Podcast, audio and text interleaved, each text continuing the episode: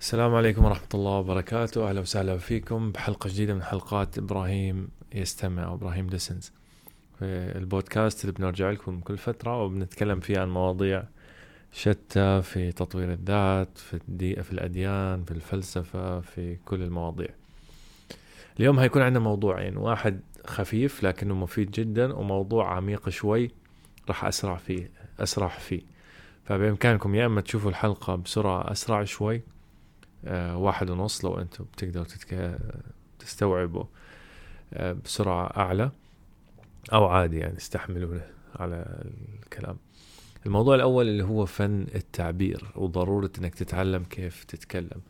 في الآونة الأخيرة آه واجهني شيء أنه أنا صرت بطلت أحب أني أتكلم كثيرا. فلما حتى لما في اجتماع في كذا كان الموضوع في البداية هو إنصات أو إنه خلاص بدي أركز مع الشخص الآخر.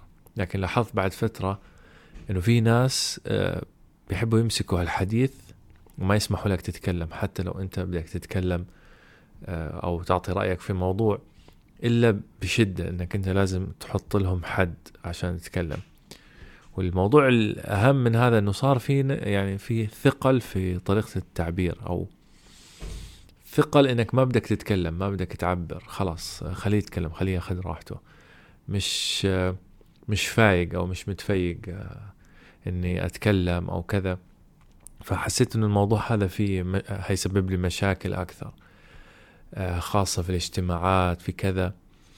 فصرت إني أجبر حالي إني أتكلم في وقت الضرورة. وهذا الشيء اللي بدي اتكلم فيه اليوم إنه متى لازم تتكلم ومتى لازم تسكت. إحنا كلنا نعرف إنه فن الإنصات فن ممتاز جدا إنك أنت.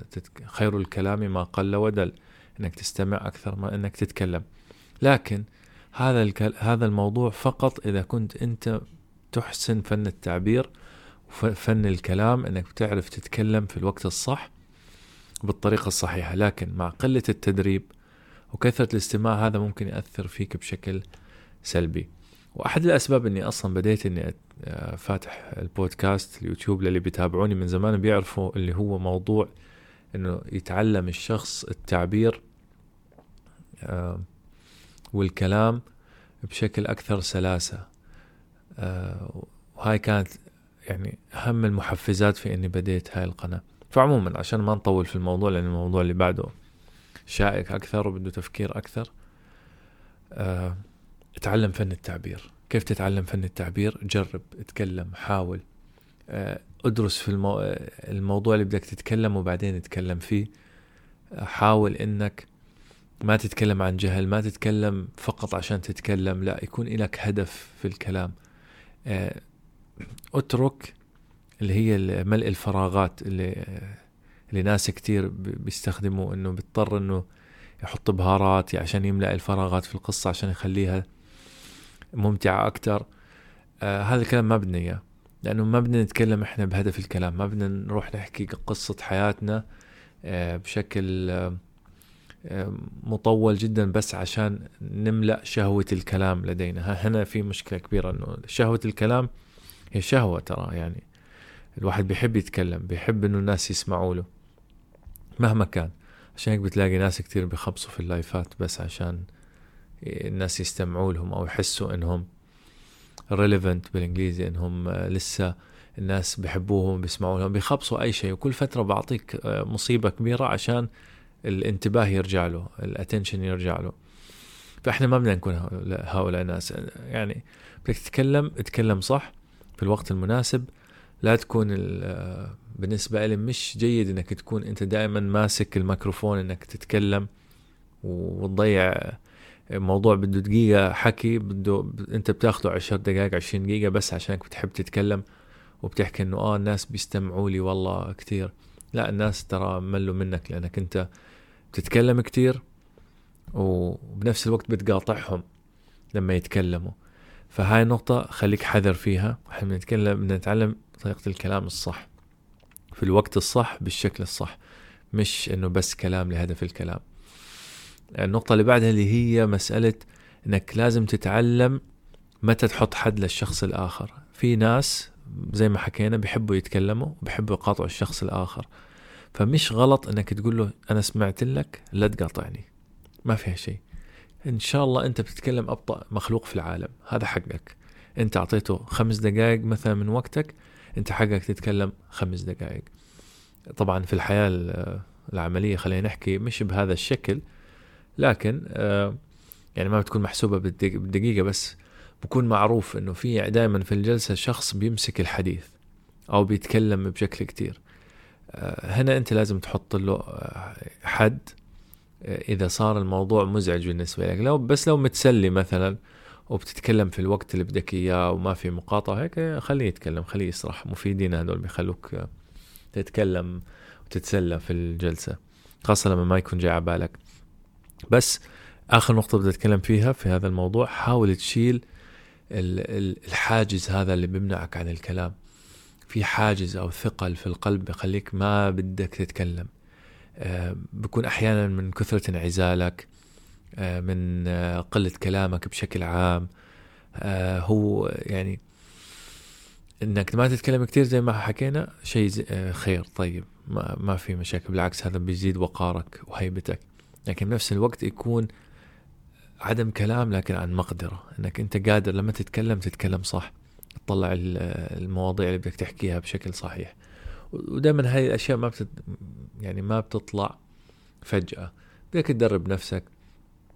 أحيانا لما تكثر أنا لاحظت إنه اجت فترة اللي هي الفترة الأخيرة لأني وقفت أعمل بودكاست خففته كثير بطلت أتكلم كثير الموضوع صار عندي أصعب أصلا في التعبير. يعني كنت لما بدي أتكلم أتكلم خلاص جمل واضحة متتابعة أموري طيبة. لكن بعد فترة بطل الموضوع هيك صرت آه، أتردد في الكلام في نص الجملة أجلس أفكر مثل الحين ما أنتم سامعين. فنعم هذا الموضوع لازم نشتغل عليه نتدرب. هاي نرجع لنا في البودكاست إن شاء الله عشان نتكلم أكثر وندردش سوا أكثر. واللي طبعا حابب يشارك معي في البودكاست أثناء التسجيل والأسئلة يبعث لي بنسق معاه حلقة إنه نتكلم. آه، بكون دائما لما يكون في حوار بكون أسهل الكلام أحسن ما أجلس أنظر عليكم. فحاليا الباب مفتوح. أي حدا بده يشارك في البودكاست حيا الله. طبعا في قواعد آه، للموضوع بس آه، لما يجي حد ما في عندنا مشكلة. هذا الموضوع الأول بدنا نتكلم فيه. الموضوع الثاني اللي هو جدا مهم موضوع الفلسفة بغير علم أو الفلسفة في الدين بغير علم. آه، بالآونة الأخيرة طلعوا لنا كم من حدا وإلهم يعني صوتهم علي عشان هيك هضطر إني أتكلم عنهم. هؤلاء اللي بيتكلموا من غير علم لكن بيبينوا إنهم بيفهموا. وبنفس الوقت بقول لك إنه أنا ما بدي أتحدث آه، ما بحتاج إني أتعلم عشان أتكلم في الموضوع. خاصة موضوع الدين. يعني بحكي لك القديم هذا موروث. المهم أنا ما راح أذكر أسماء. اللي بيعرفهم بيعرفهم. اللي ما بعرفهم اليوم يمكن يصادفهم بعدين. فبس هذه المعلومات اللي راح أذكرها خليها في بالك. اليوم بدي أتكلم عن الناس اللي بيفسروا الدين بشكل جديد وبيسموه آه، التفسير الحديث أو المعاصر لل للقرآن أو للمفاهيم الإسلامية. ف إذا ما بتعرفوهم خير وبركة أفضل. آه، إذا بتعرفوهم ف يعني خلينا نتكلم من وين طلعوا هدول و آه، ولوين بدهم يوصلوا وليش هم غلط. طيب نبدأ بأول نقطة عندهم إن هم بدهم بيحكوا لك إنه أنا مش محتاج إني أدرس شريعة أو أدرس أصول دين أو أدرس فقه لأنه القرآن للجميع وأنا بفتح القرآن وبدرسه زي ما أنا بدي. آه، بدون أساس طبعا علمي أو فقهي أو يعني ما, عنده تعليم شرعي المناسب. فبيجي بيقول لك أنا ما بحتاج أنا بفتح و... واللي بفهمه بفسره وبحكي على راحتي. فهنا أول سؤال بدي أسأله للمتابعين. أنت ليش ترد على هؤلاء الناس اللي ما عنده أي خلفية تمام وما عنده أي تعليم وجالس بيشرح لك هاي المواضيع من بيتهم؟ أو بفهمه الخاص بدون أساس. ليش ما أنت تجلس تتفلسف زي ما بدك كمان؟ يعني هاي الشغلة يعني أثارت فيها استغراب. ليش هدول لهم متابعين أصلا؟ هم ما بذلوا أي مجهود في إنهم يدرسوا أي شيء عشان يقدروا يفسروا لك الآيات أو القرآن. فأنت أنت ليش ما أنت تطلع تتفلسف بدون علم كمان؟ كل مشاهد بدل ما يروح يشاهد ويصير هو يتفلسف. وكلنا نفتح الموضوع لل لفهمنا. كل إنسان يفتي على راحته ويتكلم. طبعا بتكلم بسخرية إذا نغمتي مش مش مبينة. إنه ما دام إنهم هم حكوا بدون علم وصار عندهم متابعين أنتم يا المتابعين ليش ما أنتم تصيروا تحكوا؟ ليش بتتبعوا ناس هدول؟ هم هو عقله أحسن من عقلك؟ ما أظن والله. عقلك مفروض يكون زيك زيه لأنه هو بيدعي إنه ما بيحتاج إنه يتعلم آه، العلم الشرعي عشان يقدر يتكلم في الموضوع. فهذه أول نقطة ونقطة جوهرية. آه، النقطة الثانية اللي بدي أتكلم فيها إنه هدول ليش هذا الكلام غلط؟ ليش ما كل واحد بيفتي على راحته؟ لأنه في مثل بحكي لك لما وزعت العقول رضي الجميع بما رضي الجميع. وعندما وزعت الأرزاق آه، اختلف الجميع أو يعني ما وافقوا. طيب ليش؟ يعني إنه كل واحد راضي بعقله. طب هل العقل لوحده ممكن يوصلك للصواب العقل والمنطق؟ أنا أزعم إنه لا. هتسألني ليش؟ هقول لك لأنه أعظم المناطق أو المناطق غلط. أعظم الفلاسفة وعلم تبعون علم المنطق في نفس العصر كانوا مختلفين. عندك الفلسفة آه، مثلا آه، أرسطو أظن وتلميذه سقراط كان فكرهم مش مثل بعض. وهكذا كل عصر هتلاقي الفيلسوف والفيلسوف اللي ضده هم هدول يعني مثقفين عصرهم. يعني مش إنهم ناس من العوام. فإذا هدول الناس طبعا كلمة عوام ما بحبها بس يلا. هدول الناس اللي هم أعظم العقلاء والمفكرين وكذا في نفس العصر ما وصلوا لنفس النتيجة لو إنه بس المنطق والعقل بيوصلك للحقيقة لكان كل حدا وصل لنفس النتيجة صح ولا لا؟ هذه أول نقطة اللي بنقول ليش هم هدول المفروض ما يفتوا من بيتهم. آه، أو يعتمدوا فقط على عقلهم هم وفهمهم هم. النقطة الثانية المهمة أنه كل فهم وعقل وفلسفة متأثرة بما حولها. متأثرة بما حولها وحط ألف خط تحت كلمة متأثرة بما حولها. يعني هتلاقي بعد الحرب العالمية هتلاقي الفلسفة العدمية كسحت الدنيا لأنه الدنيا دمار. وملايين البشر ماتوا. ويعني أزمة مر فيها العالم ما شاف قبلها. أزمة مثلها. فكل فلسفة أو عقل بكون متأثر باللي حواليه. فأنت كيف بدك يعني مين أنسب؟ سؤال.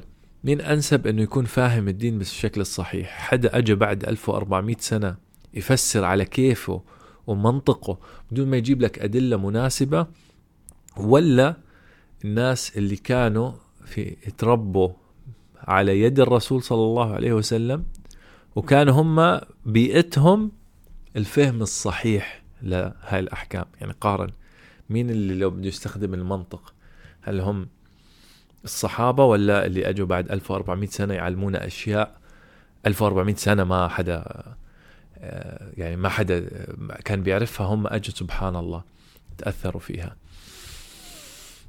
فهذه نقطة جدا مهمة.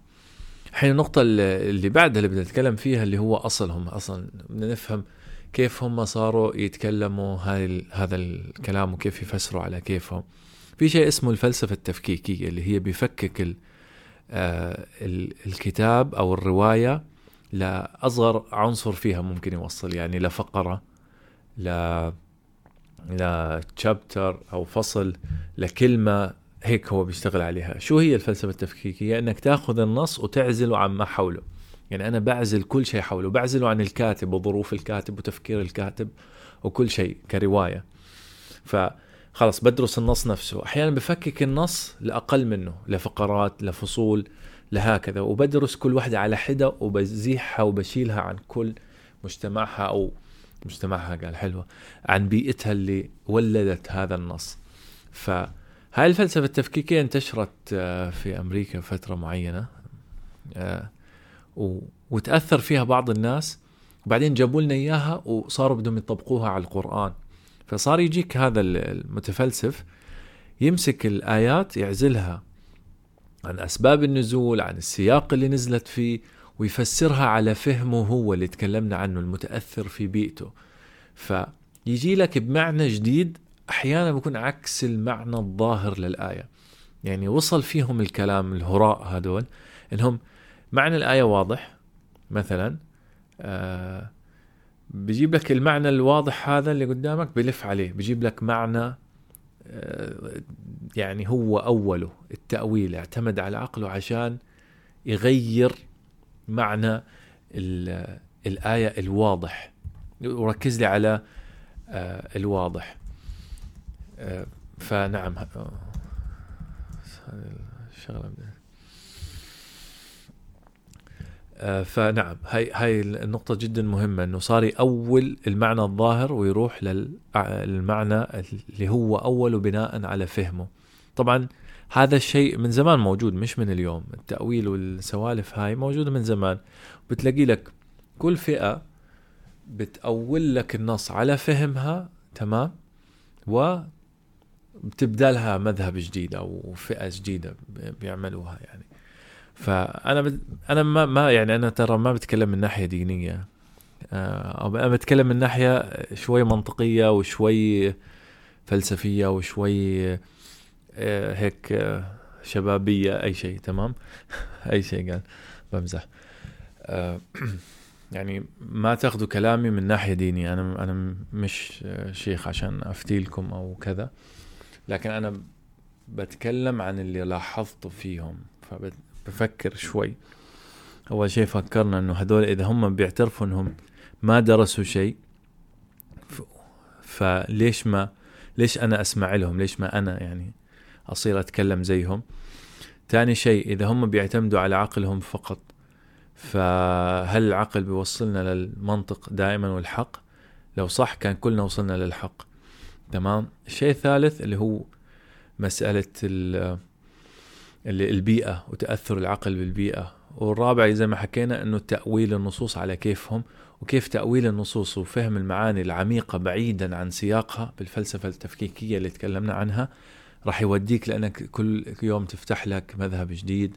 لأنك أنت آه ممكن أي جملة تفسرها غير عنها. واصلا شوفوا أسباب خلافاتنا إحنا في اليوم في الشغل في الدوام في الحياة الطبيعية في العلاقات الأسرية. بتلاقي حدا حكى جملة الثاني أولها وصار يفكر فيها كتير ولا هو كان قصده كذا ومش عارف شوف صار يأولها بشكل كبير فصار الصدام مع إنه ممكن الرجل الأول ما قصده شيء. ف إحنا شو بنحكي؟ بنحكي إنه إحنا عندنا مصادر لل لل... للدين تمام؟ هاي المصادر منطقيا هي الأصح. يعني مثلا مين أنا بتبع؟ بتبع واحد بعد 1400 سنة أو بعد فترة طويلة من هذا صار يطلع لي معاني ما حدا تكلم فيها قبل؟ هم الصح؟ طب والآيات القرآنية بتقول لك التزم الجماعة واتبع سبيل المؤمنين. آه، هدول يعني غلط وهو الصح اللي اجى بعد هالفترة أو الآيات اللي تردت عن الصحابة وفهمهم وإيمانهم. آه هذا كله يعني معزول. فنعم هذا هذا بس عشان أبين لكم شوي منطقيا إنه أنا لازم آخذ القرآن السنة النبوية وفهم الصحابة اللي هم عاشوا في البيئة. حين الصحابي اللي عاش في البيئة وتربى على يد الرسول صلى الله عليه وسلم أولى إنك أو منطقيا اولى انك تتبعه ولا تتبع حدا اجى بعدين وفهم جديد ومتأثر آه، بالغرب. آه، ترى آه، أتذكر مقولة ابن خلدون إنه الشعوب المقهورة تتأثر بالشعوب القاهرة 100% الصياغة من بيتنا جدعنه مني. بس المعنى نفسه. إنه أكيد إحنا الحين في عصر متأثر جدا في الغرب لأنه هم الأقوى وهم الواو وإحنا اللي لا مش واو. بس ارجع فترة زمنية قليلة هم كانوا يطلعوا علينا إنه واو واللي بيلبس اللي بيتعلم اللي بيتكلم اللغة العربية أوف هذا أقوى حدا أو اللي بيلبس لبسهم. لباس التخرج اليوم اللي بنشوفه هذا ماخوذ أصلا من من الحضارة الإسلامية. آه، هم أخذوا منا اقتداء فينا. فالحين انقلبت الآية. فبس بدنا نلاحظ إنه دائما هنكون متأثرين فيهم. الناس في مواضيع جدا كثيرة هاي الأيام لو تكلمنا فيها آه، أو لو كنا في العصر الذهبي أو صدر الإسلام ما كنا هنفتحها لأنه إحنا كنا الليدرز أو القادة. فلما كنا في ذلك في هذاك. المجال ما كان في موضوع بدها فتح خلاص إحنا اللي بنحدد بوصلة العالم. الحين في ناس غيرنا بيحددوا بوصلة العالم. فمع تحديدهم للبوصلة تمام؟ فإحنا متأثرين فيهم ما بننكر هذا الشيء. وهي الأيام دول يعني بين الناس. ف مره أنت ومرة غيرك فما نخلي التأثر هذا يدخل علينا ونخلي إنه في بعض الناس يجوا يحكمونا أو يقولوا على كيفهم إحنا وراهم وراهم وراهم. ف النقطة اللي بدي أوضحها إنه الحين إحنا متأثرين جدا بهاي الشعوب. فخلينا ناخذها تيك ايزي الأصول ما نغيرها نرجع منطقيا للتسلسل الصحيح. القرآن السنة فهم الصحابة لأنه هدول هم اللي تشربوا الدين من الرسول صلى الله عليه وسلم. يعني الأصل. طب ممكن حدا يحكي لي أنه العصور تغيرت وفي أحكام جديدة وما بعرف شو. نعم أنا بقول لك الأحكام الفقهية بعضها يتغير. مثل إنك زمان كنت تركب جمل الحين تركب سيارة عادي مواكب للعصر. وفي فقهاء بيستندوا للأساسيات الثلاثة اللي ذكرناها وبيتكلموا بيجتهدوا عن علم آه، اللي كان يعني عن العلم المنقول. لكن الأشياء الأساسية هاي ما فيها تغيير. في أشياء ما بتتغير ترى. الطبيعة الإنسانية واحدة من أول خلق آدم. نتبع الشهوات عندنا غريزة آه هاي الغريزة بدها تهذيب آه قل هو الله أحد. آه أشياء أساسية ما فيها تغيير. أنتم تخيلوا وصلوا فيهم بعض الناس إنهم بيتكلموا إنه ما دام إنه آه مذكور في القرآن إنا نحن نزلنا الذكرى إنا نحن بالجمع أوف يعني في أكثر من إله. تخيل يعني هذا النقاش سمعته من أحد آه، يعني الديانات الأخرى بيتكلم بشكل هيك قوي مفكرها شبهة على الإسلام. طب أنت يعني عربي بدرهمين ولد صغير بيعرف الفرق.